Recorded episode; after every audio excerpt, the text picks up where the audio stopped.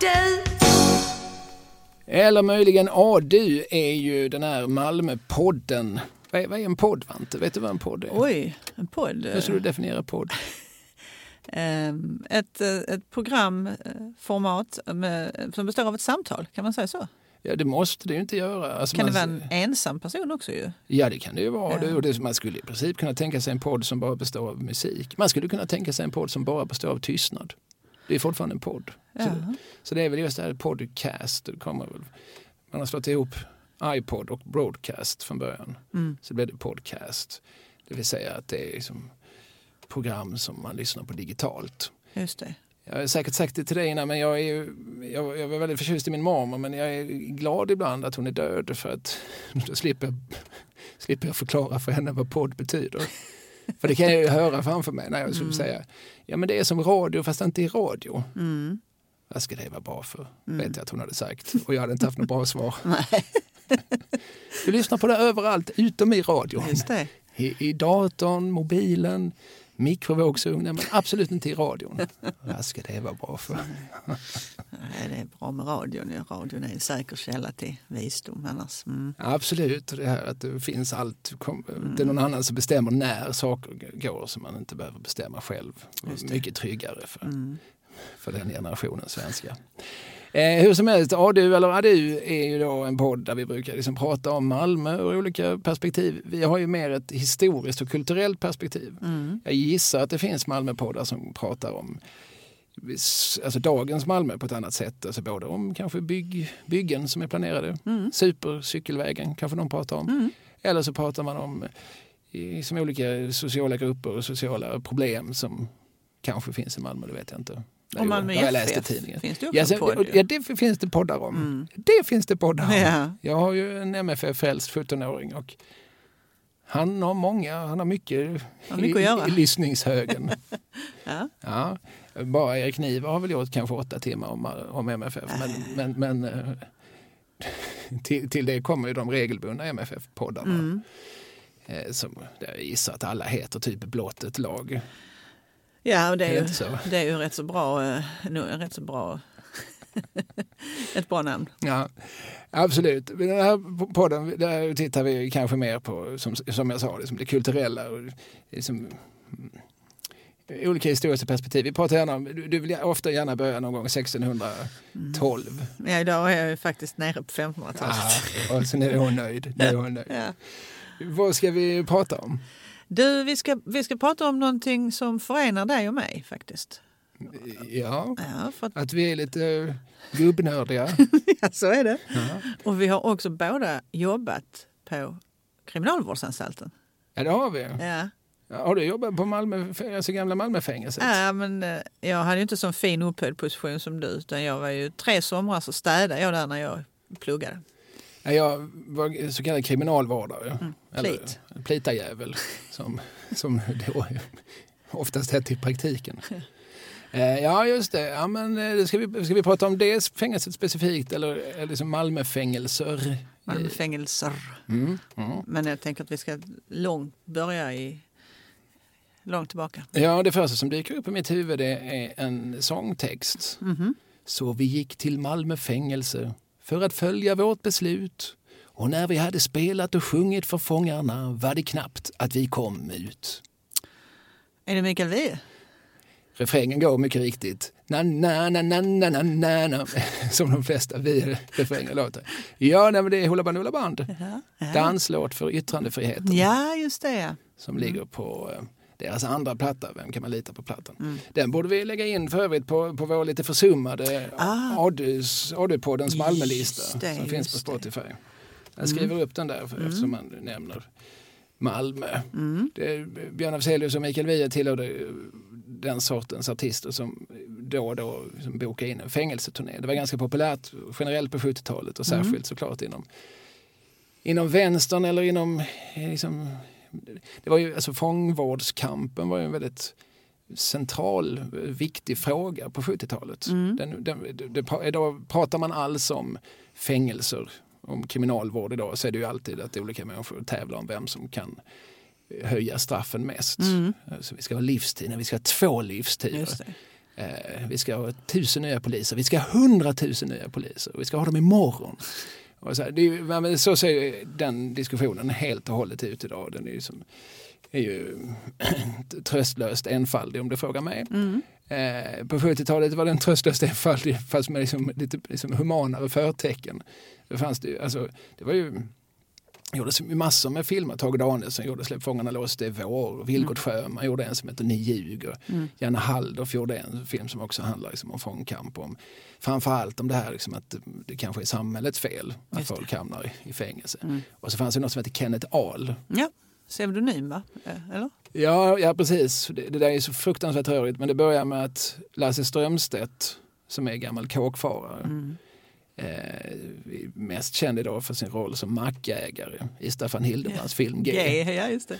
Han ska ta tag i, vad heter han? eh, Ja, han heter Robban i filmen, han heter. Jocke Schröder i verkligheten. Och så har han den här berömda repliken. En sak så du jävligt klart för dig. Min moral, den är mycket gammal, kom ihåg det. Eh, Denne Lasse Strömstedt, han var ju under 60-talet, han var ju så här småtjuv och Mm. amfetaminist och hängde på den nybyggda Plattan i Stockholm och sådär. Och, eh, men sögs upp just, just av en sån här, liksom, det är ett ord, en sån här naiv kulturvänster. Mm. Han börjar få jobb som scenarbetare i någon fri teatergrupp och så stöter han på en, en snubbe som heter Christer Dahl som är författare och journalist och som börjar liksom intervjua honom om sina upplevelser som, som tjuv.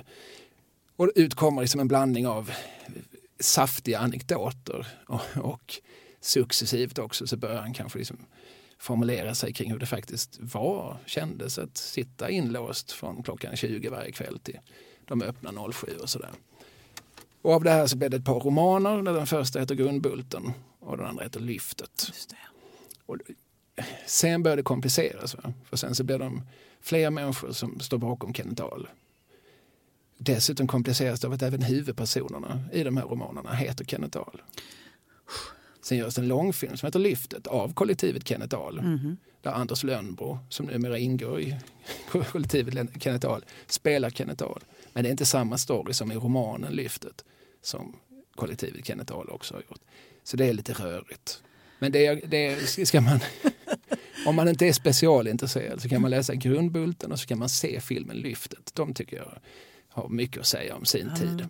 Du ko- kokar ner essensen av det hela. Precis, för sen så började de skriva dystopiska kommunistiska framtidsromaner som heter Rävsaxen och eh, Slutstationen och så. Det, de kan man leva utan om man inte bara är allmänt intresserad av KPMLR för det är där de hamnar sen, Ja, det här gänget.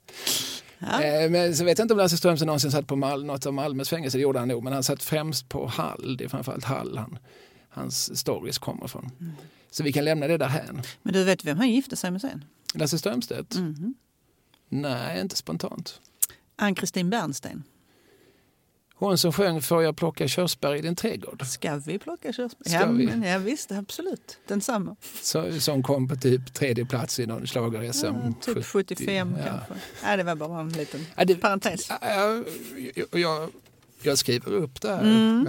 Man vet aldrig när man behöver den kunskapen. Nej, precis. Det, Mm. det, här var, det, var, det här var mina första associationer. Mm. Nu tänker jag överlåta ordet till, till dig som sitter inne på liksom, liksom faktisk information om det vi ska prata om. Ja, nej, men jag- brott och straff hänger ju ihop, får Ja, man väl ändå säga. det är en klassisk romantitel också. Ja, Fjodor. Dostojevskij. Ja, precis. Inte minst det. Eh, men, men om man tänker så här. Om vi, går till, vi måste tillbaka till 14-1500-talet. Ja, ja, det måste vi ju alltid. Ja. Jag är Du van. vet är. Du behöver inte ursäkta dig. Jag, jag har igenom vant mig. Seklerna, hand i hand här. Jo, eh, fängelse som bestraffningsform fanns ju inte på den tiden. Frihetsstraff fanns liksom inte. Nej, Utan då var det ju- Skamstraff och Ja, spöstraff straff. och dödsstraff. Kroppsstraff och förvisningar precis och sånt Ja, där som det. man hade. Och satt någon, det fanns ju ändå några celler här och där som man använde men då var det ju, skulle man kunna jämföra med att sitta i fyllecellen idag kanske. En eller två nätter i polisfinkan. Och det kanske var privat på något sätt också. Alltså, alltså någon som hade en borg. Alltså så här, nu, det här har jag ju mest fått från film och serier och så. Men det, är ju som i gamla riddarskildringar så finns det ju ofta liksom längst ner fängelsehålor där man ju sätter in sina fiender. mm, Man kastar in, man störtar i hertigen från tronen och så, så slänger man ner honom i sin fängelsehåla. Och så får han sitta där och försmäkta. Mm. Ja, men så var det. Vi hade, vi hade ju det på, på slottet Malmöhus också. fanns det ju fångkällare och fångceller såklart. Men då får man tänka sig att det är, det är kungens slott, det är kungens egendom. Så där i de cellerna sätter man ju eh, politiska fiender huvudsakligen. Eh, så det är inte vanliga simpla Malmötjuvar som hamnar där utan då fanns det ju några celler som till exempel i, i det gamla rådhuset som låg där Pittahuset ligger idag. Mm. Vet alla var det är nu? Ja, det är Adelgatan va? Mm.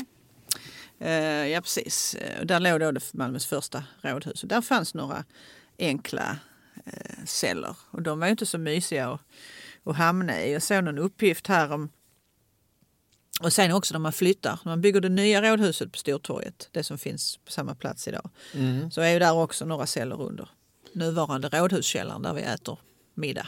Ja, där vi sitter och äter gott Ja. och förnämligt. Flottet liksom rinner runt munnen när man gnager på revbensspjällen och sådär. Precis, men där satt de en gång Just det. på utspätt vatten och mögligt bröd. Ja, ja men så var det faktiskt. Och så här såg det ut. va. Alltså det fanns ingen uppvärmning i de här cellerna. Låg takhöjd. Du hade ju fått gå dubbelvikt kan man säga. Mm. Eh, så fanns det en halmtäckt sängbrits, en väggfast bänk och ett träbord. Och då tänker man kanske, var gjorde man sina naturbehov? Mm. I ett hörn Finns på golvet. Ja, ja. i Det fanns början. ju halm. Ja men precis. Och sen så, nästa fråga tänker man, hur länge var det då där? Ja, den högen togs bort, citat, när den var tillräckligt stor. Slutcitat. ja, och det är lite subjektivt. Just det. Så kom rackaren och tog bort det. Men i alla fall så finns det också andra enkla häkten i, i tullboden och i de här olika stadsmurens olika torn. Österport, Söderport och sådär. Men de som satt i fängelse eller förvarades, det var egentligen bara till dom hade avkunnats också. Men man kunde ordna det för sig om man hade bra kontakter, pengar eller så. Då kunde man se till så att man fick vara hos Istället för att sitta i de här räl i fångcellerna så kunde man få bo hemma hos stadstjänaren tills det var dags att domen skulle avkunnas. Och stadstjänaren det är kan man säga en vaktmästare till, till rådet och borgmästarna och sådär. Eh, det finns ett exempel som är rätt så roligt tycker jag. Ja. Det är på 1500-talet. Det är en kvinna. Mm. Hon har dömts som ska halshuggas och brännas på bål i Malmö. Hon kallas upp på rådhuset för att höra domen. Och då har hon alltså inte suttit i den här eh, räliga cellen utan hon har varit på, på annan lokal. Då befanns det att hon var något orolig och det är möjligen av att hon syns lika som att vara drucken. Och därför fick man uppskjuta det här uppläsandet av domen till nästa rättegångsdag och så fick man säga till stadstjänarna att ni måste se till att hon är nykter imorgon när hon kommer hit. Mm. Mm. Det är rimligt. Ja, för att annars kunde hon ju liksom inte förstå vad det var som skulle hända med henne. Nej, nej, det är rimligt att hugga huvudet av någon. Man, Ja. kan, inte, man kan inte hugga huvudet av ett fyll. Och Nej, nej, precis. måste vara liksom ett klart huvud man hugger av. Medvetet huvud. Och det här var generellt ett så stort problem så att utgick ett- från Kunglig Majestät en skrivelse om att man absolut inte skulle ge fångarna för mycket starka drycker. Och dessutom skarprättarna. De skulle hålla sig så nyktra så att de kunde förrätta sitt värv. Och sikta rätt. Ja, ja, ja. Men du, det här innebar alltså att det var stadstjänaren som, som bjöd dem på dryckjom. I det här fallet har det nog varit så ja, att de har festat utbyte på. mot sexuella tjänster då gissar vi. Kanske det, det vet man inte. Eller liksom, ja, de har ju haft, eh, kanske haft rik eller bättre bemedlade familjer som har haft råd liksom att att ta ur dem ur de här cellen och hysa in dem hos stadstjänaren. Och då kanske de har ju fått mat och dryck och kanske lite ångestlindrande. Man vet att man ska dömas och förmodligen ska man dömas till döden och så. Men var det bättre förmedlade familjers barn som hamnade bakom lås och bom? Ja, men det kunde ju, de kunde ju hända olika saker med dem också. Ja, ja. Vi kommer till ett exempel här snart faktiskt. Jaså. Det är många saftiga eh, saker Jag, jag ser jag... att det lyser i dina, dina sjuka, sjuka ögon. Ja. 1526 är ett viktigt år faktiskt. För att eh, om vi tänker på slottet. Slottet som fängelse. Malmöhus, Ja, Malmöhus. Det, det vi kallar Malmö museum idag. Precis. Då blev det ju länsresidens det här året. eh, för länsmannen i Skåne. Och då kunde man också använda slottet för att förvara fångar i. Och då kommer det ju en och annan prominent person hit eh, som får sitta och skaka galler här. Mm. Jag vet inte, nämnde vi honom när vi pratade om, vi har ju pratat om Om slottet, Slottet, specifikt. Jag ja. tror att vi har gjort det men eh, om inte du minns och inte jag minns så minns Nej. vi inte lyssnarna heller. Nej, det kan man väl anta. Nej, jag tänker på den här eh, Maria Stuarts, den skotska drottningens tredje man. Ja, jag vet. Jo, men det pratar vi om. Ja. Men du får gärna uppdatera både mig och Nej, våra men det, lyssnare. lite kort bara. Han, Earlen James Hepburn, Earl of Bothwell. Han eh, hamnade ju här därför att han blev fasttagen i, i Bergen i Norge. Var, Vad många språk du kan prata i samma mening. ja, säg inte annat än att jag har eh, öra för det där. Eh, han, han var ju kapare, alltså. just det. sjörövare. Ja, det är en lång, lång historia allt det där. Men han blev tagen som fånge och så tänkte man att man kan ha honom. Det var en politiskt viktig person. Man kunde utväxla honom mot någon annan. Så han fick sitta här på Malmöhus i fem år. Som gisslan, Ja. som, som tänkt gisslan. Ja, och han hade ju ganska bra. Han hade ju liksom en våning. Han satt ju inte i någon fängelsekälla och rasslade med Rackaren kom betydligt tidigare. Ja, Hö högern betraktade det som lagom mycket tidigare i processen. jag tror han hade eget sån här privat, du vet, där han, det ramlade ut längs med Så muren. pass. Mm. Ja, det är ju lyx. Ja, men det det är en sån person som är här på 1500-talet. Liksom. Ehm, Men sen finns det ju också så traditionella fångsedlar naturligtvis. Men det är också rätt så intressant tycker jag det här med, med heder och ära, hur viktigt man ser att det är. Eh, För att det här med att, att hängas till exempel, det är ju fullständig vanära.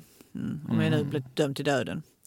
Likadant avrättad med en yxa, halshuggen med en yxa. Medan ett svärd, då är det fint. va? Men kvinnor skulle ju då inte hängas gärna.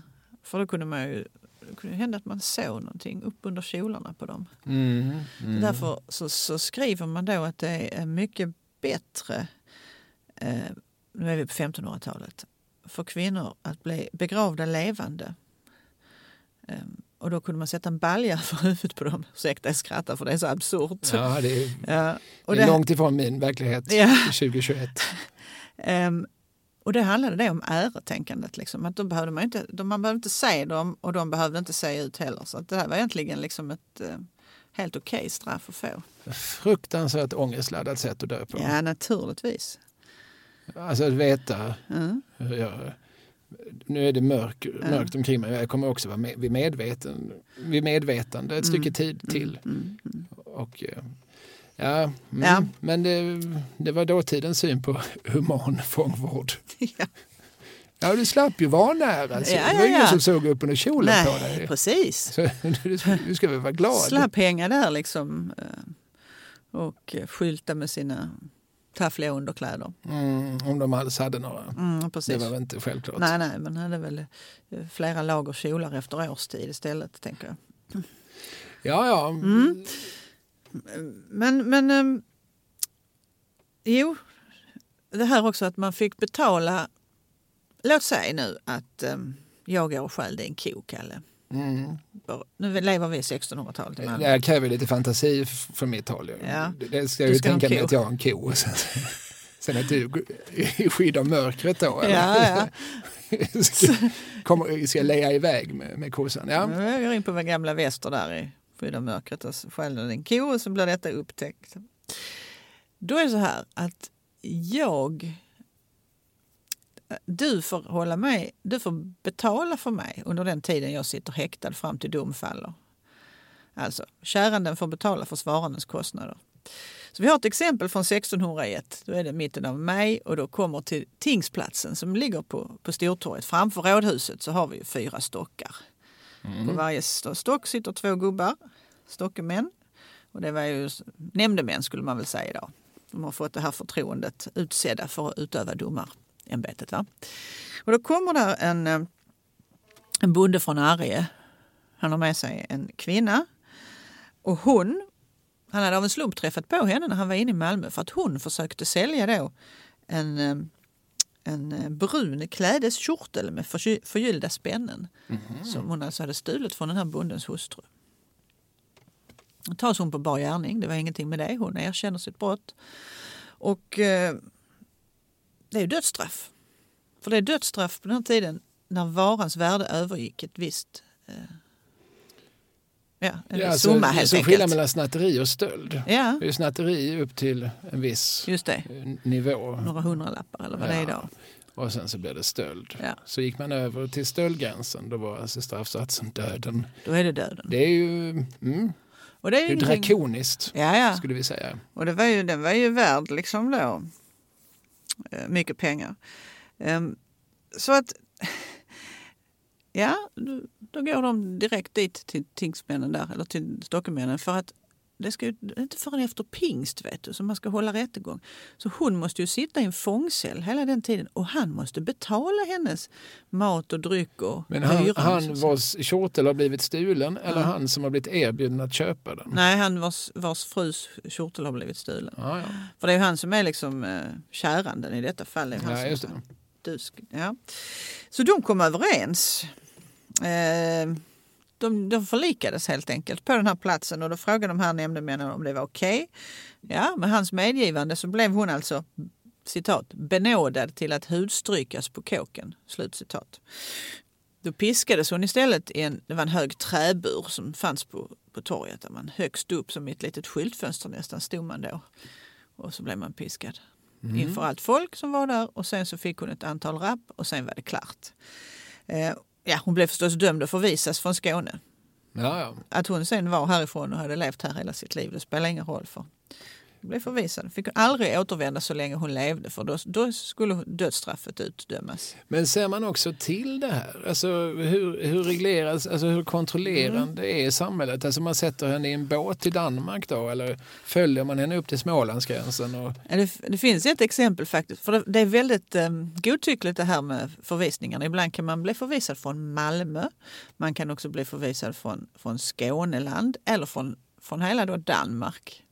Så det är helt för samma brott. och det här innan vi har härader. För Ja. att, för att, sen finns det ju mellan stad och landskap finns ju också så småningom ytterligare en juridisk indelning. Just precis.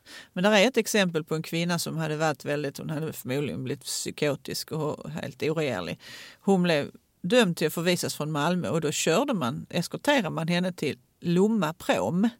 Det fanns ingen liksom bro över där den gången så man satte henne på en båt och så över och sen så när hon var på andra kanten så hej hej. Och var de här som man skulle hinna iväg också ju. Här, den här kvinnan blev eskorterad till Lomma prom men den här kvinnan i målet innan. Hon med kjorteln. Ja. Hon har tre dagar på sig då. Tre dagars rymning kallades det. Så hon hade lite försprång. Det är ungefär som när man lekte gömme och den som tar räknar till hundra och så sprang man och gömde sig. Ja, men jag tänker ändå, alltså hittar vi, om, om du på tre dagar inte har lämnat Skåne, alltså, hur, hur, alltså det måste finnas en viss möjlighet ändå för henne att gömma sig i Göingeskogarna. Eller i, Säkert. alltså, för jag menar, skickar de ut vakter att leta efter henne? Ehm, men de hade... Om vi nu ska hålla oss till kurragömma-liknelsen. Mm. Är det någon som, som räknar och som sen faktiskt också går ut och letar? Det är väl kanske så att om hon kommer tillbaka till just Malmö så har man en större möjlighet att, att hitta och känna igen henne. Det är inte Mm. så stort, stor stad då den gången. Nej, men det måste vara, det, och där finns ju murar och där Mm. fin, alltså, det är väl inte helt lätt att komma in i en stad. Nej, så, så det finns väl någon sorts kontroll Ja. redan, redan vid tullarna Ja. eller vid portarna. Men, men eh, ja, det känns som att visst, vi kan sätta straffet, du får inte vara i Skåne, men vi, vi kommer inte riktigt kunna kontrollera att det efterlevs. Nej. Och sen blev det ju inte så populärt. Jag menar, man skickar ju iväg värsta nidingsdådarna till, till, till utsämpelsen till Danmark ju, och till andra ställen. Det är inte så kul för de som skulle ta emot dem kanske. Nej, nej, nej förmodligen så blev de inte insläppta där. Nej. Så att de blev väl i praktiken laglösa då gissar jag. Ja. Men å andra sidan, alltså fördelen de har då är ju att samhället, det här är liksom långt innan man, vi har mobiltelefoner som, som ryssen kan sitta liksom och, och se så, och veta exakt vad vi gör, så som det faktiskt är i talande stund. Mm. Alltså, du, du ska inte tro annat än att, än att di- diverse människor som inte vill dig väl vet exakt vad du gör i detta nu. Så var det ju inte då. Alltså så långt hade inte den digitala tekniken kommit på 15-1600-talet. Inte riktigt. den, den var bara i sin linda. Ja, precis. Nej, men visst, absolut. Se- långt senare kommer ju det här att man ska Ska du flytta någonstans så måste du ändå gå till din präst och få en sorts utflyttningsattest i din församling och sen till den nya församlingen då måste du få en, får du en inflyttningsattest. Men det är ju senare det är liksom. Ja, nej, men för det kräver ju som en viss byråkratisering för att, just för att vissa straff då ska kunna efterlevas. Mm, precis. Men eh, ja, ja. Mm. övervakningssamhället brukar alltid eh, vara två steg före så de hittar säkert någon princip även för det. Mm. Ehm, Så kan det vara. Men då är vi i början på 1600-talet men, men vi har fortfarande ingenting som heter stadsfängelse. nej, nej, det Nej. kommer långt senare faktiskt. Långt senare. Och det här, ja, ehm, Ja. jag tror inte det är förrän, eller ja, men det, det här du sa innan med bättre bemedlades män- människor, hamnar de i Ja, just det, just det. Här är ett exempel från 1632. Några skolpojkar. Nu är de ute och lever djäkulen på Stortorget. Det där känner man ju igen. Mm. Ja, Det ja. händer ju fortfarande att ynglingar gör. Ja, nej, jag har tre skolpojkar som bor väldigt nära Stortorget. Det kan mycket väl hända att någon av dem har levt lite, lite jäkel. Men dina, dina barn dricker inte alkohol. Det ska jag låta vara osagt. För i det här fallet så var det rusdrycker var inblandat. Va? Mhm, De ställde till spektakel kallades det. Och det slutade mycket olyckligt i det här fallet för att då var det så att en, en köpmansson som hette Jakob han hade blandat sig i det här. Det var ju lite blandat med skolpojkar och köpmanssöner och drängar. Han blev ihjälslagen den här Jakob av en dräng som hette Peder. Ja, vi pratar verkligen spektakel nu. Det får man säga. Ja. Det blev väldigt våldsamt. Och Peder han flydde ur staden men infångades och lämnades i förvar. Var då? Jo, hemma hos Jakobs styvfar. Alltså styvfadern till den mördade ungdomen. Jaha, på hans initiativ? Eller var det samhället som sa du får ta hand om Samhället, det är återigen det mördade där. styvson, Ja. gärningsman. Fram till rätt dom faller så, så är det du som bekostar. Och då, ville, ja, då höll han honom inlåst hemma eh, hos sig.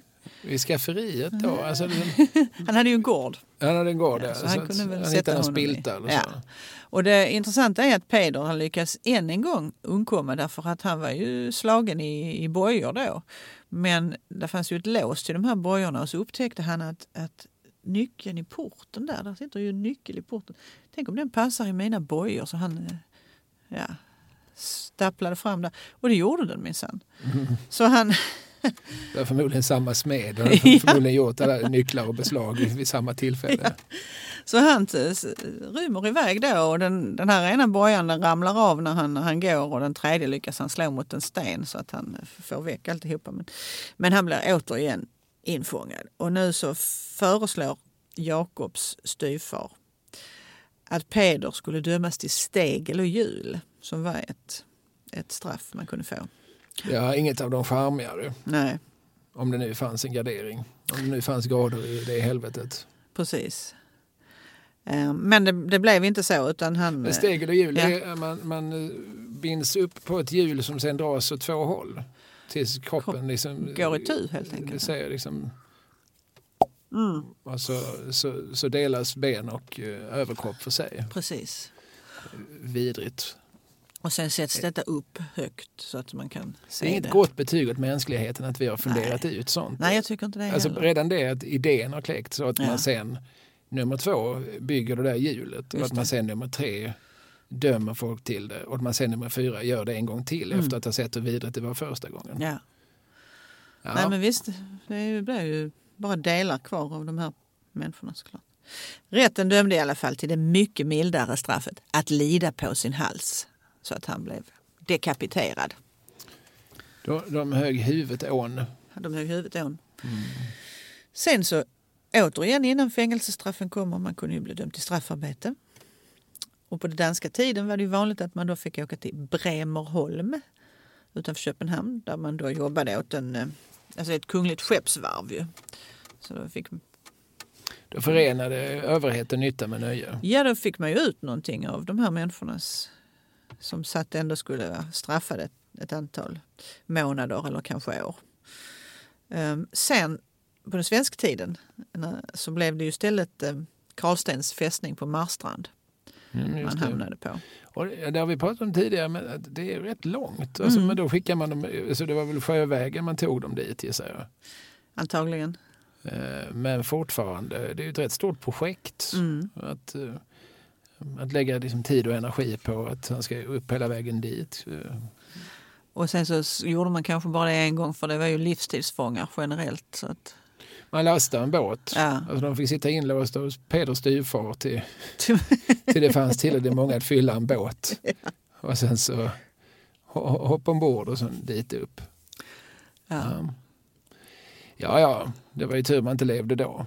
ja, men det du Och kunde det var ju ju tur också... man inte ägnade sig åt tjuvaktigheter och, och spektakel. Precis, för du, jag tänker så här vad du kunde råka ut för. Du kunde ju, bli, du kunde ju få rida trähästen på Stortorget till exempel. Mm. Det tycker jag inte heller är något sympatiskt straff. Nej. Man sitter på, här, som, som på ett vasst tak Mm. med, med tyngder då i fötterna. Just det. Och det måste ju kännas i hela mellangården.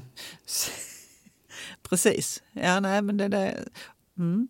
det var ofta försumliga nattvakter och sånt där som fick eh, råka, råka ut för det som hade somnat på sitt arbetspass och sånt där. Ja, jag förknippar det lite grann med, liksom, eller i mitt huvud associerar jag mig fram till att det här är också ett militärt straff som, Ja. som jag tror har liksom används vid, vid vissa regementen och så. Ganska långt in på 1900-talet hade ju regementen egna möjligheter till, alltså det fanns ju så arrest och krok, alltså 91 och 87 hamnar ju ofta i kroken eller Just buren Ja, som ju är regementets arrest Mm. dit tydligen liksom en furir kan skicka dem. Lite godtyckligt sådär. Och jag tror att även trämärar fanns i Ja. den militära sfären. Mm. Ja, och sen kunde man ju som sagt då bli kåkstruken också. Man kunde bli piskad på den här kåken. Mm. Du kunde få öronen avskurna. Mm. Du kunde bli bränd med ett brännjärn. Ja, Mm. Du kunde få bli dömd till spanska kappan. Vet du vad det var? nej. Då är det en trätunna utan botten men som har liksom ett litet hål som man trär över huvudet på. Du är Mm, då skyldig kan man inte röra armarna. Nej. Nej. Och där ska man, I den här klädnaden får personen gå upp och ner för Södergatan och den långa Ädelgärde. de Alltså löpa gatulopp Ja. då, det är ju en sorts som variant. Och så ställer sig medborgarna och spottar Ja, pekar finger och hånar. och kastar dynga. Just det. Ehm, ja, Men man är naken i den här tunnan då. det vet jag faktiskt inte om man var. Jag tänker det blir ett sätt att ytterligare öka på förnedringen. Ja, det kan det säkert ha varit. Ja. Men eh, när utfördes då, eller när um, utdömdes det första egentliga fängelsestraffet i Malmö? Då? Ja, jag skulle säga, nu har vi pratat en halvtimme, Ja. nu kommer vi till, Nu kommer till själva fängelset. det finns alltid ett litet preludium, en liten ouvertyr. Ja, nej, jag, jag vet inte när första stadsfängelset, det borde jag ju veta, men, men eh, du har ju svaret, så det, vad, vad ska jag sitta här och gissa för? Ja, men det, men det, jag hade nog trott att det var tidigare egentligen, men det är inte förrän den 8 oktober 1698. Ja, okej. Då är det svenskt styre. Mhm. Eh, I Stockholm regerar väl, det är väl Karl XII, va? eller är det Karl XI? 16, det är eh, Karl XII, han blev kung året innan. Där. Ja, just det. Han var blott tonåring. Precis. Eh, och eh, mm, har, har landet eh, blivit mer uppstyrt och mer byråkratiskt sen, eh, sen det blev svenskt? Eh, Det blir nog så efterhand, absolut. Det blir det ju. Och man märker att efter försvenskningen att det blir otroligt uppsving på, på um, människor som begår brott här i stan. Mhm. Det ökar något enormt. Man vet ju hur svenskarna är. Kommer hit och begår brott. Ja, precis. De här svenskarna var ju danskar några år tidigare. Det- det- Men men i samma ögonblick var- som de fick en ny identitet så blev, de också, blev identiteten också kriminell. Ja, precis. Nej, men eh, det kommer ju såklart hit mycket folk som eh, kommer från eh, Stockholm också som ska styra upp det hela. Eh, Men den här kvinnan, det var en, slott, det var också en slottsvaktmästaränka som fick det här första straffet. Det fick hon för att hon hade stulit en duk värd sju daler. Vad är det i dagens penningvärde? Eh, Det får man gå in på Kungliga myntkabinettet och räkna ut på den tjänsten de tillhandahåller. Okej. Mm. Daler var den rådande valutan vid tiden. Just precis. Ja, det, fanns, det fanns ju allt möjligt sånt där. Karoliner och vad de nu hette. Du, dukater. Ja. Men det där med riksdaler som Ja. Mm. somliga av oss ibland säger lite skämtsamt. Det, det, var, det var ju en faktisk valuta. Absolut. Ja. Jo, hon fick då, hon, hon, eh, hade hon var medellös och hon hade inte betala så hon fick sitta en månad i buren eh, för att sona detta brottet. Men då fick hon ändå ett fångtraktamente, fick tre öre om dagen. Det ska man ju ha med sig faktiskt. Men, det, men straffarbete då inne i fängelset eller hon satt bara i, i cell då? Ja, hon, satt, satt just, hon i- satt i cell och var inlåst. Hon straffarbetade inte just nej. Nej. Mm. Alltså det är ju humanare än, än, trämärar och spanska kappor och, och dekapitering såklart. Men det, det är också lite förvånansvärt, vad ska jag säga, improduktivt. Alltså det här var ju ändå en tid då man, alltså att skicka dem till, till ett straffarbete, då har man ju ny, någon nytta av det. Ja, precis. Nu blir det bara någonting som, Kostnad. som uppbär en kostnad. Alltså Mm. dels, för, dels för vakten som, som vill ha någon form av lön. Eh, och ja, uppvärmning av cellen kostar väl ingenting men, men sen dessutom tre öre i traktamente. Eh, Nej, men visst. på ett vis är det ju eh, väldigt ineffektivt. Men så, så är det ju. Och det, mycket så resonerar man ju lite senare också där spinnhuset i Malmö kom ju på 1730-talet och när man tänkte sig att Malmö hade ju inte så mycket textilindustrier som vissa andra städer hade men då tyckte man ju att det här var en jättebra idé. Då kunde man ju ta de, vissa människor som var dömda till en viss typ av straff och så kunde man ju sätta dem på spinnhuset och så kunde de få jobba under tiden. Och det var ju, alla tyckte det var en jättebra idé utom eh, de som skulle utföra det därför att ehm, då var man tvungen att ha det uppvärmt. Ehm, och veden var så fruktansvärt dyr. Så att det var, det var lik, det kan vi prata om nu när elpriserna När skenar i höjden, ja. Mm. Eh, Så det där blev väldigt faktisk kostnad för, för just Malmö då.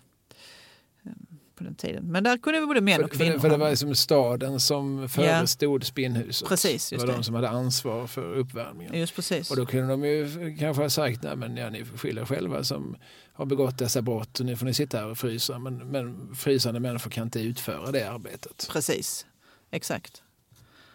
Och det, det är mellan 1739 och 1782 som man har detta spinnhuset. Och det är belä- beläget på, huset finns ju kvar, det är det Dringenbergska huset.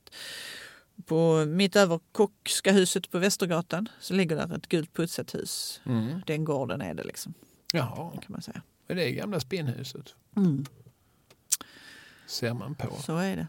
Sen så tänkte jag på dig när jag liksom letade upp lite olika sådana här Ja, jag läste om trämären och tänkte på dig. Ja, jag tackar för omtanken. Ja, men jag tänkte på du som har en massa söner. Det fanns ett mysigt straff också på den här tiden som hette klassmörj. Ja. Det kan du gå hem och berätta. Det, det har funnits i många tider fast det är ofta då lite informellt. Just det. Är rädd. Men den här gången är jag rädd för att det var eh, väldigt eh, by the book när de gjorde det. Det var den pojke som hade, alltså det här är på barnhuset och det var ju en kombination av skola och textilfabrik kan man säga. Man tar hand om föräldralösa barn, man ser till att de får jobba men man ger ju också dem lite utbildning samtidigt så ser det Så bättre ut. ja. Mm. En pojke där han kände väl sig så fruktansvärt frustrerad. Han kände att han satt fast där, han kom inte därifrån. Hur ska jag ta mig ut? Jag sätter eld på stället såklart. Det, ingen dog men det här blev ju rubricerat som mordbrand. Och straffet han får är att tre gånger var fjortonde dag ska han av de andra barnen piskas och sen gå med skottkärra ett halvt års tid och föra orenligheten ut från gården samt hållas avskild från de andra barnen och sen blir han förvisad både från barnhuset och från staden. Detta är för övrigt ett stenkast från där du bor. Ja, det är tjusigare på gamla väster nu för tiden. Ja, inte så mycket klassmörj kanske. Nej, och det är inte så många skitbörar, mögbörar längre på gatorna. Jaha, nej, men det tyckte jag var ett hårt straff. Alltså, Mm. Visserligen, men nej, man ska absolut inte tuta eld. Det, det, det är ingenting vi i ADU-redaktionen på något vis uppmuntrar. Nej, nej, nej. Men eh, alltså, för då, först ska han stanna ett stycke tid och då liksom pryglas varannan vecka. Ja. Däremellan så ska han köra skit Ja. och hållas isolerad. Just det. Och sen när den här tiden har löpt ut, då får han sitt riktiga straff, det vill säga att, att han inte längre har någon som helst eh, socialt sammanhang. Mm. Hur gammal är pojken? Ja, han- jag, jag minns faktiskt inte riktigt vad han var, men 11-12 år någonting sånt Ja, där. ja. Mm. Han växer säkert upp och blev en, en hel människa. Ja, jag hoppas verkligen Och en man av staden. Jag hoppas det gick bra för honom. Vad tror du man åt i fängelset då? Ja, det var väl något gott. Det var väl eh, ölsupa och vad åt man för? Någon Spikesill. Ja. 1700-tal, mitten på 1700-talet. Eh, nu är vi på just spinnhuset. Då kunde ett matsedel se ut så här. Det var, tänk nu att ett fatlag, det är fyra vuxna eller åtta barn som får dela på det här för annars låter det ju väldigt mycket. Man hade alltså två mål om dagen. Det var lunch och middag. Mm. Frukosten förutsatte man att du hade sparat lite från din lunch eller middag som du kunde äta på morgonen sen. Okej. Eh, lunch då, till söndagen till exempel så fick man 1,3 liter surkål eller 1,5 kålhuvud, 300 gram havregryn, 400 gram salt kött. Havregryn, det fick man själv ta och koka sen då? Eh, ja, det förutsätter att det var ett, ett sånt här fatlag så att de gjorde, gjorde väl några rätter på det bäst de kunde då. Ja. Ehm, och sen till middag 300 gram havregryn, 7 deciliter mjölk, 16 sillar, 100 gram rågmjöl, rovor och rötter. Ja, alltså, det här låter inte jättegott. Det låter ganska nyttigt. Det Mm. låter som det låter LCHF och Ja, just det. eh, perfekt för den glu- glutenintoleranta och så. Men Ja. jag kanske inte havregryn. Men, men, eh, men jag tänker mig också att i de här lagen då om fyra så kan man väl också tänka sig att den starkaste tog mest. Va? Det är ju inte orimligt att anta det. Sen ingick det också, man fick ju dricka, svagdricka och mjukt bröd och lite smör och ost. Och jul som det snart är nu, då fick man ju dessutom 400 gram färskt kött till stek och en vetekaka. Ja, ja. Och lite lutfisk och så. ja, ja. Så att man ska inte tycka att det var... Faktum är att det, det var ju många gånger så att eh, folk tyckte att det här var ju ändå rätt så bra. Om man jämför vad man kanske hade när man var ute i friheten. Fick du inte den här maten garanterat varje dag? Nej, det är ju ett argument man hör även idag ibland från folk som kanske inte har varit så mycket på insidan av ett fängelse. Att det är fängelse och det är ju som, det är ju som att bo på hotell Ritz. Det är ju tre mål om det är ju helpension. Ja, just det. Jo. Ja, men min erfarenhet säger någonting annat. Men, men, eh, men Mm. samtidigt så, så under min tid som plit som vi petade lite grann på inledningsvis. eh, Det var inte så lång. Jag jobbade eh, främst på, på häktet som ligger vid Alltså i rättscentrum på Slinsgatan. Då Mm. såg det inte riktigt ut som det gör nu, men mittemot Rösjöparken. Mm. Och sen jobbade jag en sommar ute på gamla Malmökåken på Mm. Gevaldigergatan. Absolut. Eh, som, eh, och eh, det fanns ju de som man förstod att eh, nu har jag frusit lite för många nätter och svultit lite för lång tid och eh, nu har jag inte råd med tjack längre. Så nu tar jag en tegelsten och så vräker jag in den på första bästa juvelerare och så inväntar jag polisen och värmen. Just det. Mm. De var ju i minoritet men, men visst, alltså, jag, under det året jag jobbade på häktet så tror jag det var en kille som ändå kom tre gånger. Mm. Som, han var mer eller mindre fastknuten med gummiband. Just det. Studsa ut och in. Mm. Och så bara liksom mindre förseelser. Så kommer man tillbaka och hallå igen. Alltså- Autentisk replik. Hallå igen. Så kunde han lugna ner sig där några veckor Ja, eller någon månad. liksom på något vis också liksom friskna till. Det är inte det är som att vara eh, amfetaminist och småtjuv. Det är ju inte det är inte alltid de tar hand om sig. Nej, nej, nej. nej. Det är inte alltid de har en rock. Nej. Nu kom vintern. Jag hade tur att du plockade fram min rock här Mm. ur, ur källarförrådet. Ja, Det är inte, har de någonsin haft en rock så har de ofta sålt den för, att, för att köpa kabbar för det. Mm. Eh, Ja, och sen, jag tänker på den här tiden då eh, tillbaka att det fanns ju också någonting som hette, det kommer ju senare på 1800-talet förvisso, men lösdriverilagen som gjorde att eh, man var medellös så kunde man ju hamna i för straffarbete eh, bara genom att inte egentligen göra någon lagöverträdelse men man hade ingen fast adress och man hade inget jobb. ja, och det var ju i sig en lagöverträdelse. Har du inget hem så är du en tjuv. Mm. Ja, just det. Så många människor som levde sådär på resande fot de eh, hamnade antalet gånger på, på Malmöhus och inte minst sen på länsfängelset som kommer lite senare. Och det här gjorde det såklart svårt för liksom, den som grupper av befolkningen, alltså det som då för tiden kallas för tattare eller Mm. zigenare och, sådär, och som även judiska eh, små enklaver som, som, som är någonstans från första början hade fått skaffa sig kringvandrande yrken för eftersom de inte liksom tilläts eh, alltid att, att jobba.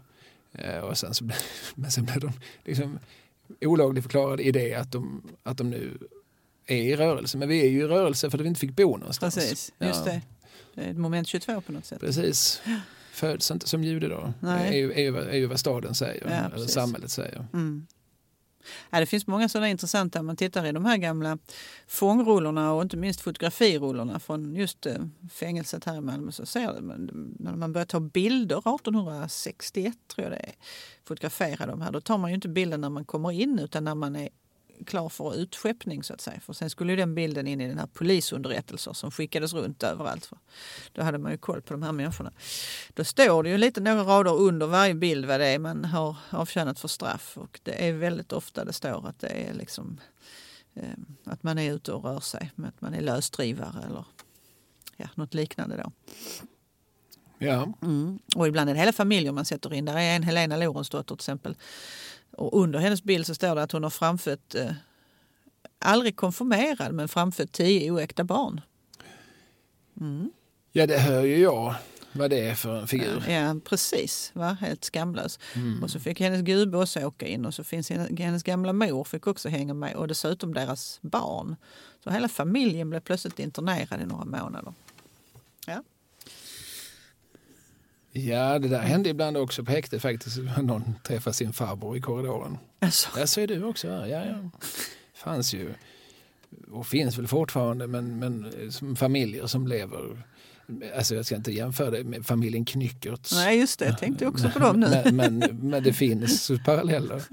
Eh, sådär, jag har ju suttit på bevakat besök som det heter. Alltså, alltså somliga som sitter, de, de tillåts inte att, att ha obevakade besök när folk kommer. För att eh, det finns en historia då av att någon kanske har plockat med sig saker in som inte ska vara innanför häktet. Och det var liksom en ung pojk som hade bevakat besök när hans mor besökte honom. Mm. Så jag fick sitta med när, for, när mor och son återsågs. Och eh, det blev alltid liksom väldigt konstig stämning. Vad ska de prata med, med, med varandra om när det sitter två plitar på Mm. varsin sida? Alltså de sitter vid, alltså vid varsin kortsida och så satt vi vid långsidorna med armarna i kors och försökte låtsas som att vi inte fanns. Och det blev till slut att de satt mest och pratade med oss, om de pratade alls. Men den här modern, hon, började liksom, hon var en talkativ person som började liksom prata, oh det här påminner lite grann om Hinseberg. Jaha, då hade hon eh, Ja, hon hade en, sett på nära håll kanske. en lång egen erfarenhet. Mm, mm. Och lärt upp sin, så- alltså, äpplet faller inte, har inte alltid så stora möjligheter att falla så långt från trädet. Visst. Om man säger så. Mm. Så det, även idag finns det, tragik och misär och sorg. Mm. Eh, men eh, på andra punkter har kanske samhället och till och med kriminalvården förbättrats. Sen 1700-talet. Det är jag helt övertygad om. Inte minst, och, det, och det här är ju faktiskt, där är några kungar som blandar sig i leken. Först Gustav IV Adolf.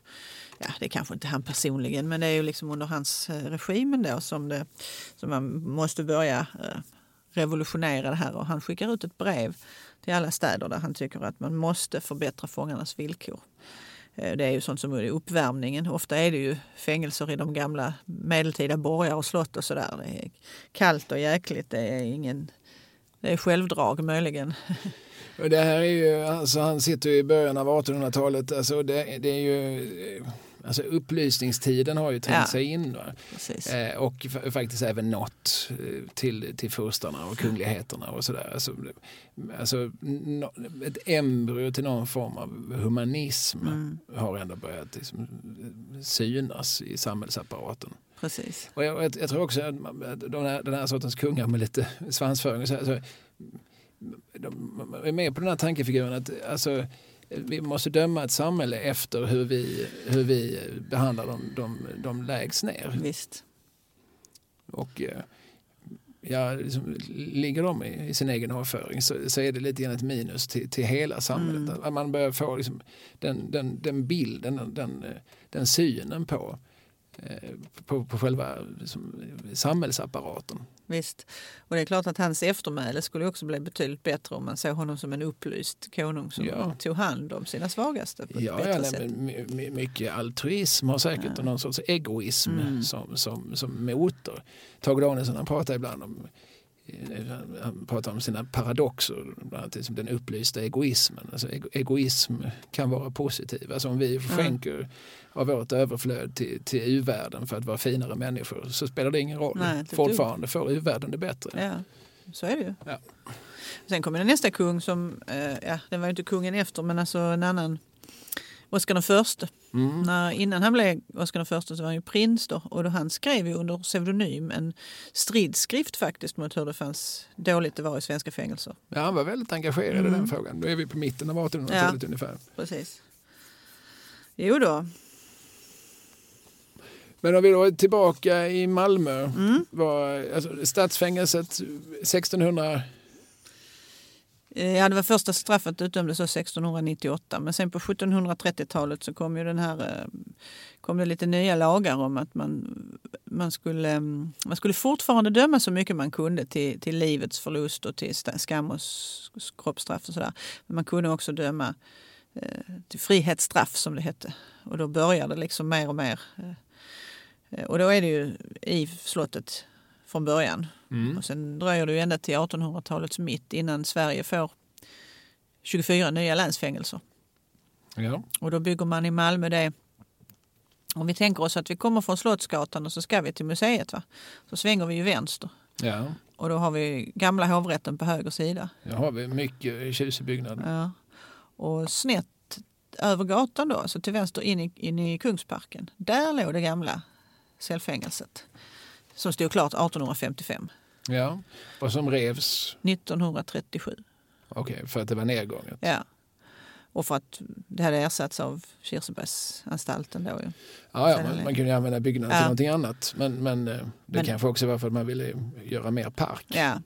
Och den var ju, det var ju supermodernt när det började då. Eller när den kom. Det är ju 102 ljusa celler, celler och fem mörka. Mm. Det kunde man ju också få som straff.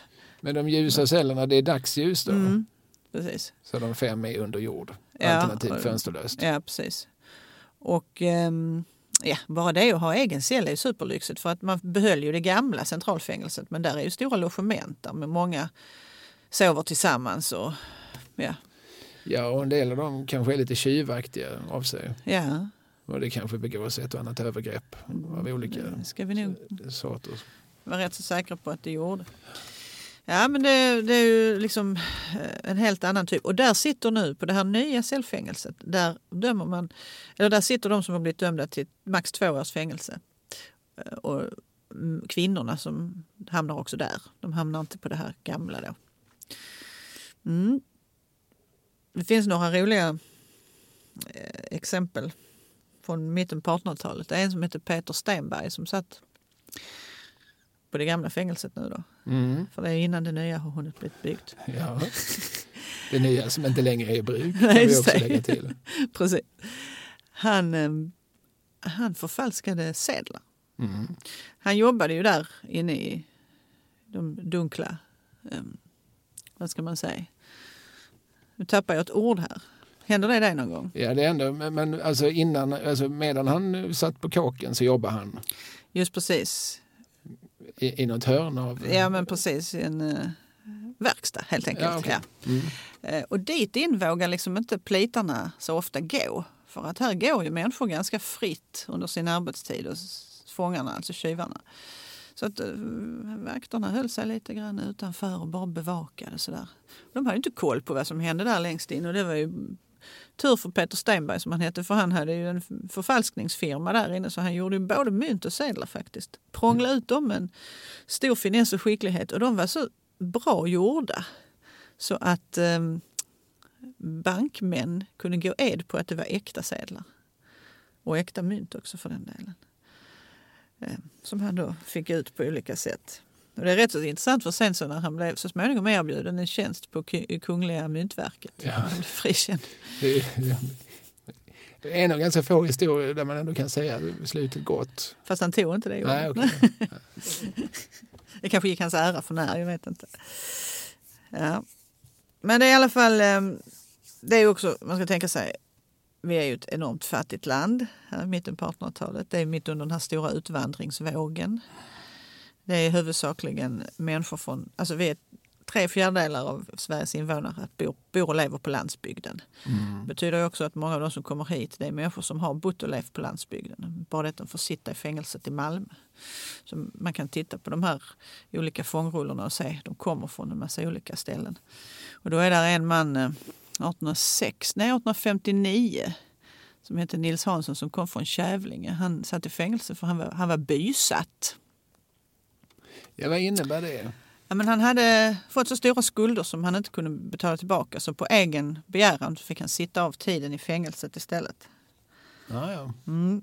Och då, då står det under hans bild så här, nu ska jag se om jag kan citera rätt. Var bysatt ut i åtta månaders tid samt önskade att få kvarstanna ännu längre för att slippa få pisk av sin hustru varmed hon i hemmet dagligen trakterade honom. Vi har alltså att göra med en så kallad toffelhjälte.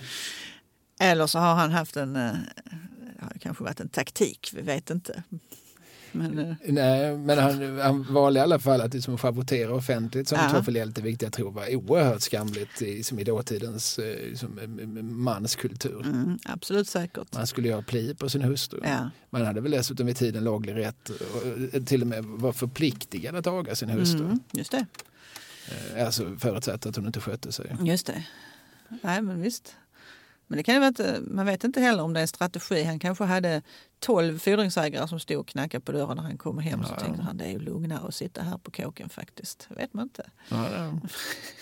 men, men, och då får jag ta detta nesliga ja. att jag kommer att skiljas för toffelhjälte. Just precis.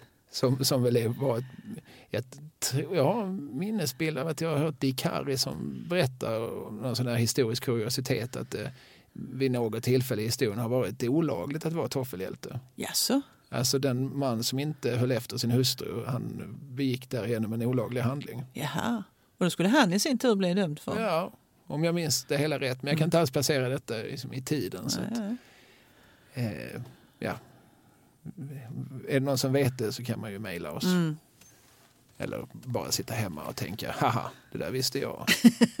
Det gör man som man vill. ja, precis.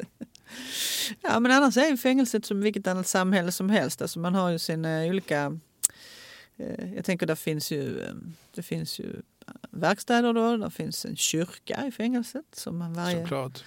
Det finns det ju fortfarande i de flesta fängelser mm. i, i världen, alltså någon form av församlingslokal. Just det. Och i många fängelser så, så används de till olika religioner. Det vill säga att vi tar ner korset och så eh, med, hur man nu så gör vi det till en muslimsk eller en katolsk eller en, en judisk bönelokal, församlingslokal. Just det. Eh, de är ju väldigt avskalade och sådär såklart men man har väl några symboliska attribut som visar att nu, nu kristnar vi denna, nu avkristnar vi. Just det, eller just det. Till. Konfes, det? Konfessionslös samlingsplats kanske? Ja, precis. Som, som väl alla liksom församlingar mm. någonstans har gått med på att den här kan, den här kan vi använda. Den här har någon så, generisk andlighet. Just så kan vi bara liksom addera vår lilla specialitet. Ja. Uh, och, och, ja, så, så ser det ju fortfarande ut. Mm.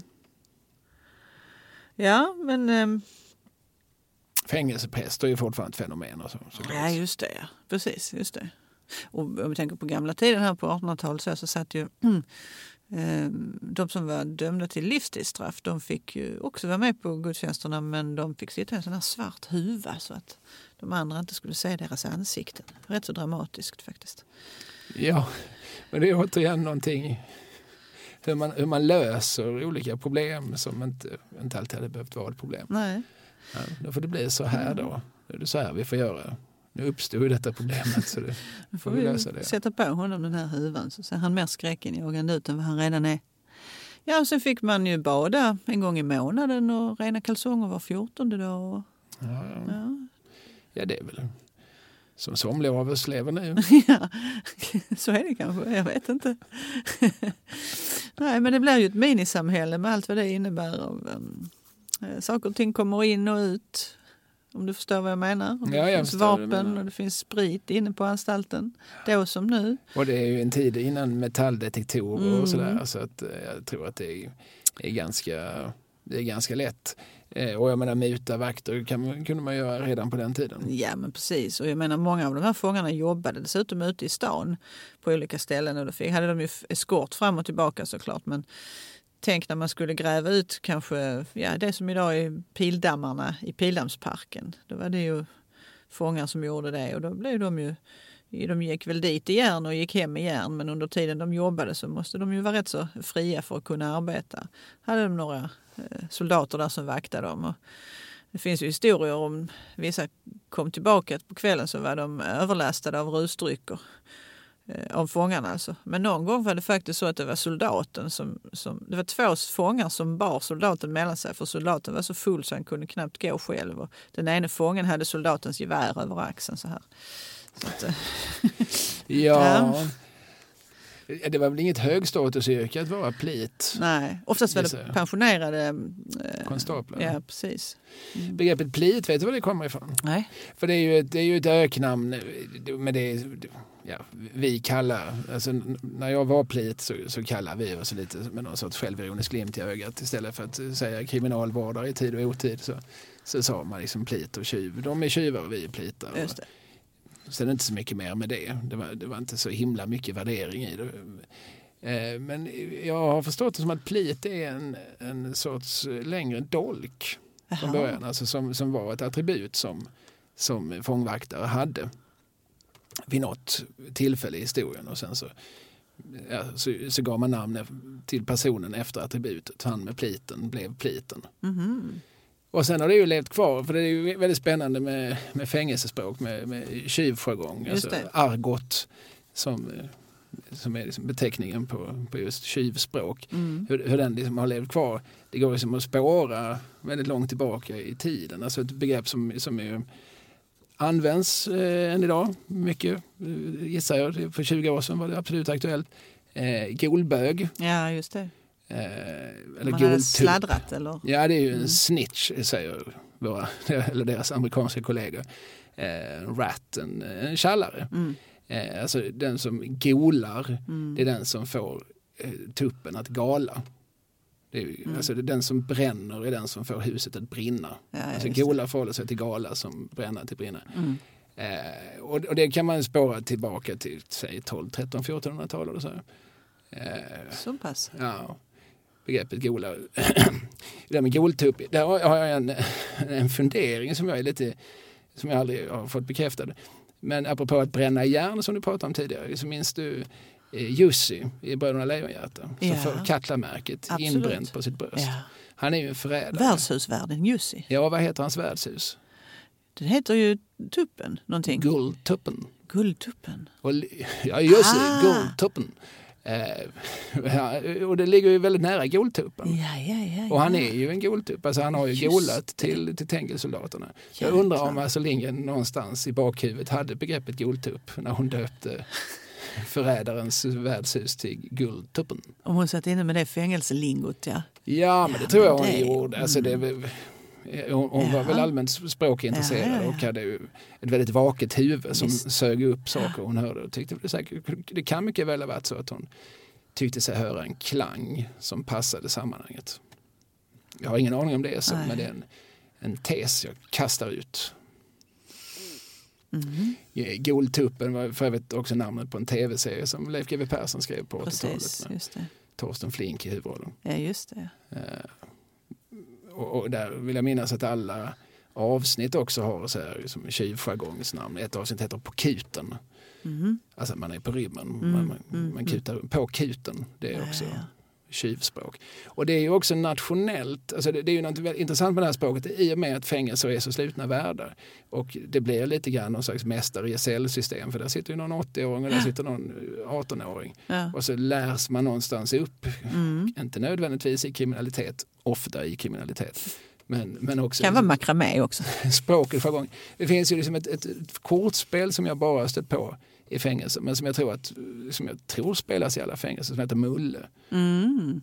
Eh, och som jag förutsätter att nya, gamla tjuvar har lärt nya Mm. och sen så har det som hållit på så i generationers generationer. Mm. Och jag vet för några år sedan så var det lite liv för att på Långholmen i Stockholm som ju numera är ett vandrarhem men som ju innan dess var ett väldigt flitigt nyttjat fängelse. Där finns det någon sån här lista över tjuvspråk Jaha. Alltså på museet. Mm. Alltså, det är ju inte ett museum, det kanske är ett museum också men framförallt så är det ett vandrarhem där man någonstans med, med inredning och så på, påminner om Mm. det här husets historia. Men då var det en romsk grupp som blev väldigt upprörd för väldigt många av de orden är ju romani-ord Ja. eller romanesord. Och eh, ja, alltså faktum är att romer har ju suttit i fängelse på mer eller mindre lösa grunder. Liksom, Sen kan, man, kan vi liksom diskutera varför det blev så och hur man... Men, men, men det var ju en, en grupp, en stigmatiserad grupp som man hade ögonen på Mm. och som i högre utsträckning än andra folkgrupper sattes bakom lås och bom. Och eh, som säkert kunde vara ganska dominerande innanför murarna för att det kanske också fanns släkt och så. Just det. Alltså, de kände, hade en trygghet i och med att Mm. här sitter också mina kusiner. Just det.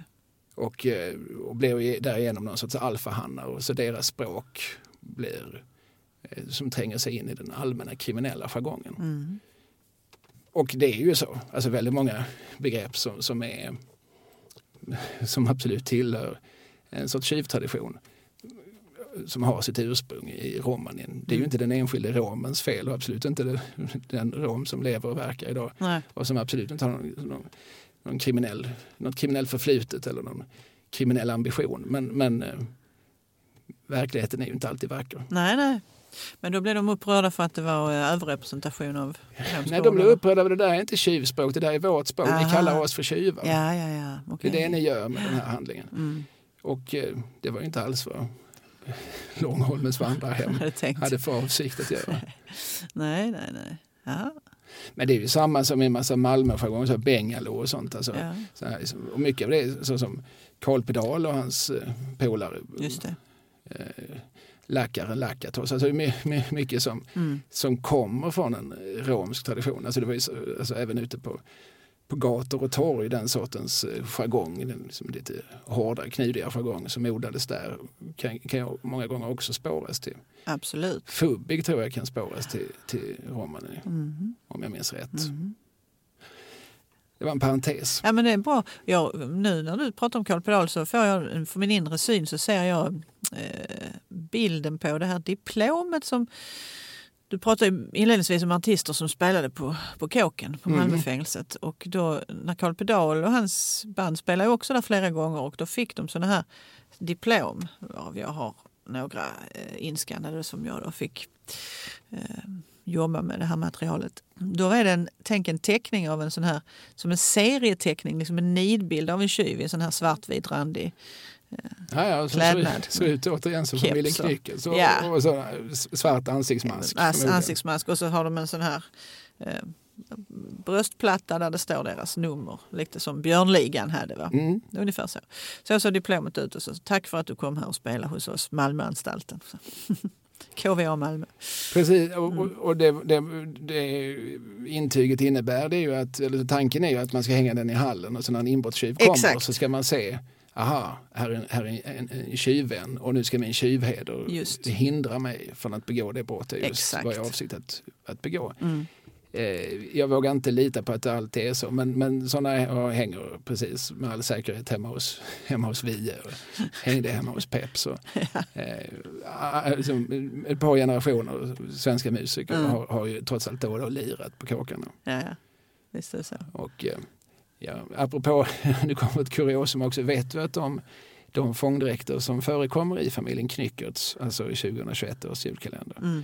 är samma fångdräkter som Jan Malmsjö och Urban Salin och Henrik Holmberg bär i Släpp låst i vår. N- Är det sant? Det är sant. Manusförfattaren, alltså författaren Anders Thorsson Sparring som har skrivit böckerna om Knyckertz, han är i likhet med mig då ett, ett Hasse Tage-fan. Så det är liksom, jag tror han har liksom bett.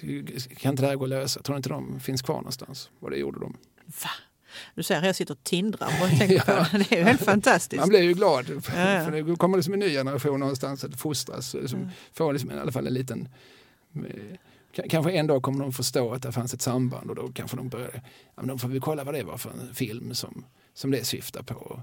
Och de som gjorde den filmen, de kanske har gjort fler filmer. Och så bevarar vi den här viktiga, stolta svenska ordtraditionen. Håller vi den levande. Alltså det roliga är att eh, jag har inte sett dagens avsnitt än så jag ska se det ikväll tänkte jag. Då ska jag mm, verkligen tänka på det här. Mm, gör det. Stulia har väl den på sig kan jag tänka mig. Är det Gunnel Fred? Just precis. Mm. Eh, precis. Så kan du eh, ta en skärmdump vet jag, så kan du sen kolla Släpp fångarna loss till vår och se vem, eh, exakt vems Just det. uniform hon bär. Är det Jan Malmsjö i rollen som professorn? Är det Urban Salin i rollen som apan? Eller vem är det? Det här kan man ha som ett julquiz med sin familj. Ja, Det ska vi göra på julafton. precis. Ja, det, det krävs en lite nördig familj, men, Ja, jo, jo, men men det, eh, är lugnt. det har man väl Ja. lite till mans. Då har vi mer att säga om Malmö fängelsehistoria. Det har vi. Va? För att sen så, så småningom byggs ju det fängelse som tills för några år sedan stod ute på Kirseberg. Vet du när det tömdes? Har du så aktuella årtal skriver inte Oj, du? oj, oj, oj. Nej, men precis. Det är ju alldeles nyss. Det är bara för ett ögonblick sen. Ja, nej, men det var på 2010-talet Ja. vill jag tro. Jag Mm. jobbade som sagt eh, sommaren 2001. Eh, Mm. Då var det ju absolut i, i, i igång och min far som fick jobb där någon gång på 60-talet och som sen jobbade ett antal år. Jag beskrev hur det såg ut och jag beskrev vilka som satt där och han tittade, men det är ju, det är ju likadant. Jaha, ja. Alltså, det fanns ju också ett, ett antal eh, kollegor till mig som varit min fars kollegor 35 år tidigare. Så, det är också, alltså, kriminalvårdaryrket är lite grann, det är också så här, som ett släktyrke.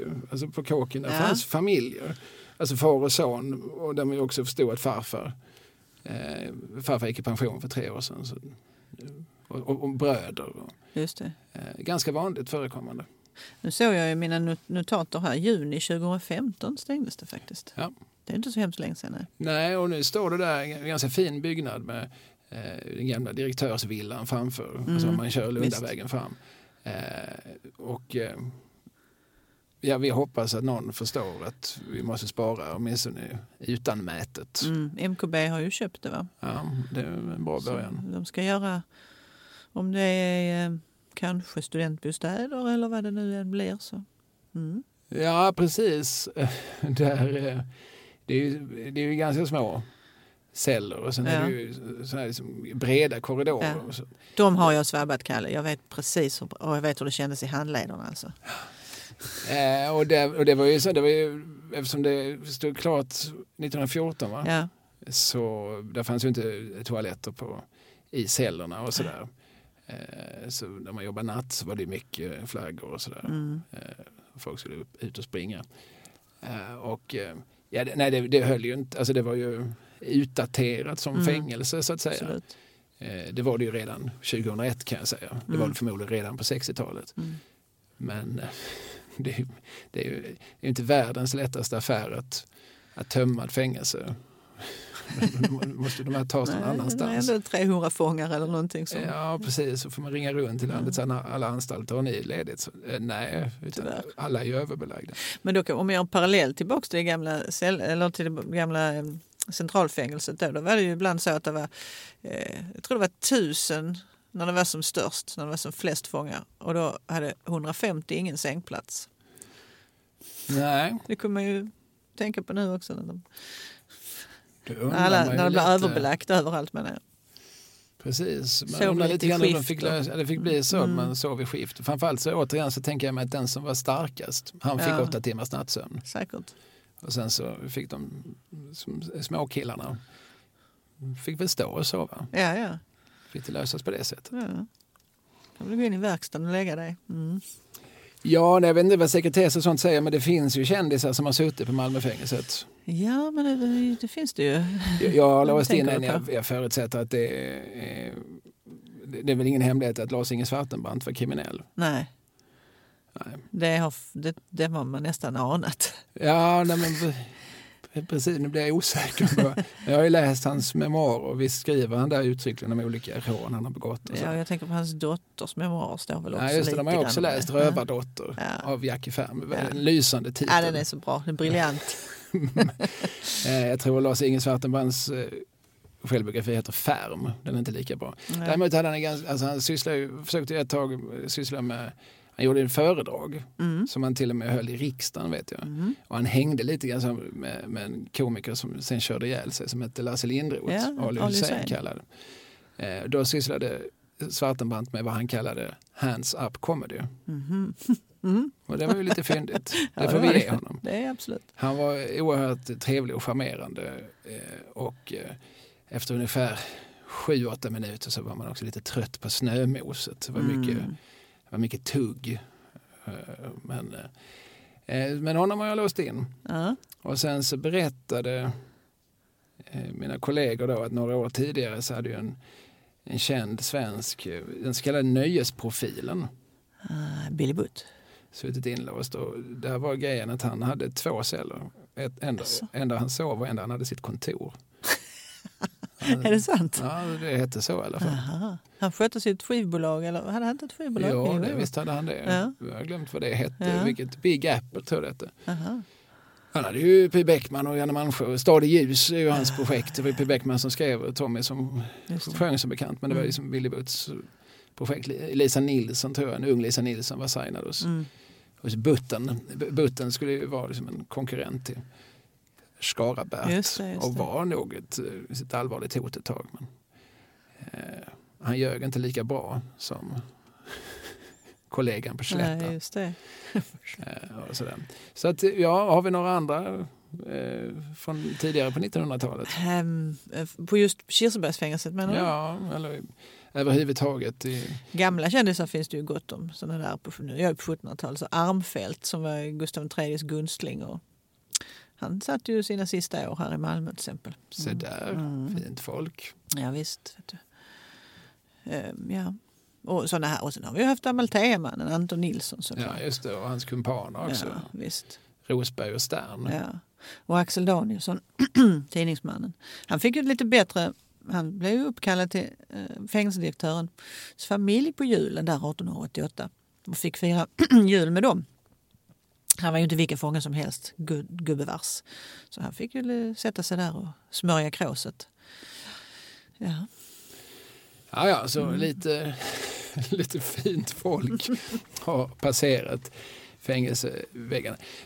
Men det, eh, det kan jag också säga när jag sökte jobb på eh, Gevaldigegatan. Min far kallar alltid fängelset för Gevaldigegatan. Det är alltså den lilla gatan som går mellan Norra Bulltoftavägen och Lundavägen. Ja. Eh, och som, är, som väl är fängelsets officiella adress. Och det är ju bara de som har den adressen. Gevaldiger är för övrigt också en gammal beteckning på fångvaktare. Mm. Eller konstapel av någon Mm. sorts. Eh, men men eh, då var jag på anställningsintervju på ytterligare en annan anstalt som, låg, som också låg på Kirseberg. Mm, Alltså, Rostorp? Ja, precis. Mm. Som ju låg alltså, där, mitt emot Malmö östra, Mm. alltså rättspsykiatrin. Ja. Eh, så i Kirse, bodde man på Kirseberg så var man liksom omgärdad av, där fanns ju också någon, någon tork. Mm. Eh, och, eh, och inget av det fanns under de år jag bodde där. Eller, Malmöfängelset fanns ju kvar men, men, men där fanns ju också olika former av tillfälliga boenden och sådär. Just det. Men, jag tyckte inte det satte för mycket prägel på området eh, under mina år på 2010-talet. Men var, jag vet att när de öppnade, eller när Malmö Östra sjukhus invigdes 1934, är det ju. Mm. Då hade man ju tänkt att man skulle döpa den till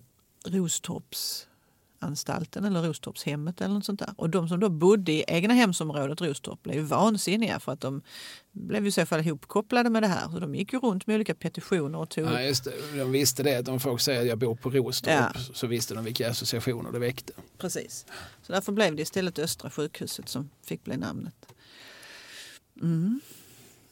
Eh, har vi tecknat Malmös kriminalvårdshistoria? Vi har skrapat lite på ytan tycker Ja, jag. Ja. men eh, då får du vara färdigskrapad för idag då. Ja. Eh, Jag tänker jag borde ha någon anekdot att avsluta det hela med. Jag tänkte vi pratade lite grann om det här med in och ut, eh, saker som tas in och ut och sådär. Det finns ju olika kroppsöppningar man kan använda och sådär men det finns ju också liksom mänskligt material man kan jobba med. Mhm. Alltså som sagt, plitar är inte de mest, de är, de är inte överbetalda Nej, nej på något sätt. Jag minns att jag blev erbjuden av en man som ingick i ett något illustert sällskap. Sådana här som bär skinnväst och, och tycker om att och, och lufta sig på motorcykel. Eh, han, eh, han erbjöd mig liksom tusen spänn för att jag skulle ta in en flaska whisky till honom. Okej. Och det kan jag ju säga att i åtminstone två sekunder så övervägde jag för och nackdelar. Sen kom jag fram till att jag tror nackdelarna överväger. Men så undrar jag, frågar jag också, för det var ju kontantlöst fängelse. Det fanns inga kontanter innanför, innanför murarna. Nej. Eh, Så att tjuvarna satt och spelade poker eller mulle med, med tändstickor som insats. Och så där. Sen får man ju förstå då. Man är inte dummare när man inser att de där tändstickorna betyder någonting. Just det. Så på utsidan så förvandlas den här tändstickan plötsligt kanske till en tusenlapp, vet jag. Och det här är ju innan Swish. Det här är långt innan Swish, eller långt innan, det är ett, något decennium innan Swi- Swish. Men då sa han, ja men det kan vi lösa på utsidan. Jag har ju kompisar. Det är bara att du kommer till den här ökända puben på, på Ystadgatan. Mhm. Så kommer du bara in där och så har jag vänner som, som ger dig de pengarna. Och där, där någonstans tänkte jag, ja, jag vet inte om jag vill bli vän med dina vänner. jag vet inte om jag vill att de ska liksom ha ett ansikte på mig. Ä-. Även om jag gör dig en tjänst så tänker jag att jag, jag tror vi drar en linje här. Ja. Jag tror vi reser en mur oss två emellan. Ja. Talk to the hand sa du bara. Nej, jag sa jag får överväga detta. Och sen så gick det en sommar utan, utan att jag övervägde färdigt. Så kunde jag. Sen, sen dess har jag aldrig sett karln. Nej. Eh, ja, så vi, då gick vi ut på en lite personlig historia. man, man, måste- det är viktigt, vi kan inte bara sitta här och rabbla årtal. Nej, årtal nej, är helt utan- rätt. Helt rätt. Vi, har rabblat både årtal och årtal, men, Mm. men, men eh, vi får också sluta på liksom en, en personlig not, Ja. som det heter på nusvenska. Mm. Ja, här gott folk, när jag lyssnade på ADU alternativt ADU eh, och i vanlig ordning så går det ju bra att eh, donera en slant till oss via patreon.com. Patreon.com, då går man in och letar upp ADU-podd i ett ord med sammanlagt 3D. A-D-U-P-O-D-D, det blir ju tre. Eh, och eh, så kan man liksom prenumerera typ. Alltså man hittar på den summan själv. Vi lever ju i valfrihetens tid. Man bestämmer själv om man vill donera och vad man vill donera. Mm. Eh, tycker man att det här verkar krångligt och eh, jag har all respekt för det så eh, kan man ju swisha. Det känner ju du till nu. Ja, det kan man göra. Eh, fint. kunde man inte 2001. Nej.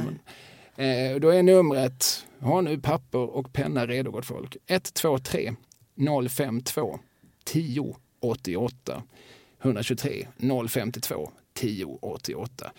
Då går det till KLKAB och sen så delas det mycket rättvist på mitten Absolut. och så går hälften till Kira förlag. Mm. Eh, vad bra, Mm. då var vi färdiga med detta. Vi hörs ju nästa år då. Ja, god jul nu Kalle och Ja. alla ni som lyssnar. Ja, God jul och gott slut och Mm. Trevlig trettondag. Just det. Allt Mysiga mellandagar. Ja. Och allt sånt där. Jag, jag får se om det blir någonting om två veckor eller om det, vi får göra en liten paus här emellan för att eh, Ja, du vet. Ja, det är så mycket familjemedlemmar hit och dit. ja. Ja. Man ska åka skridskor och allt möjligt. Ja, jag ska ju faktiskt åka skidor. Men det, Du ska till norra Sverige? ja, jag- ja, mellersta skulle de själva säga. Jämtland, Ja, ja. Östersund. Oj, Det är ju ja. precis på mitten. Ja, det är det. Jag upplevde det som väldigt norr ska jag säga. Ja. Väldigt norr. Är jättekallt. Ja, eftersom det är råkallt här. Ja, Hur, hur, hur, hur råkallt måste det inte vara där? precis. Men du, vi får eh, höras igen om detta. Jag kommer att lämna rapport. Mm. Mm, Bra. Det är gott. Mm. Så vi så. Det gör vi. Hej. Hej. Allt beror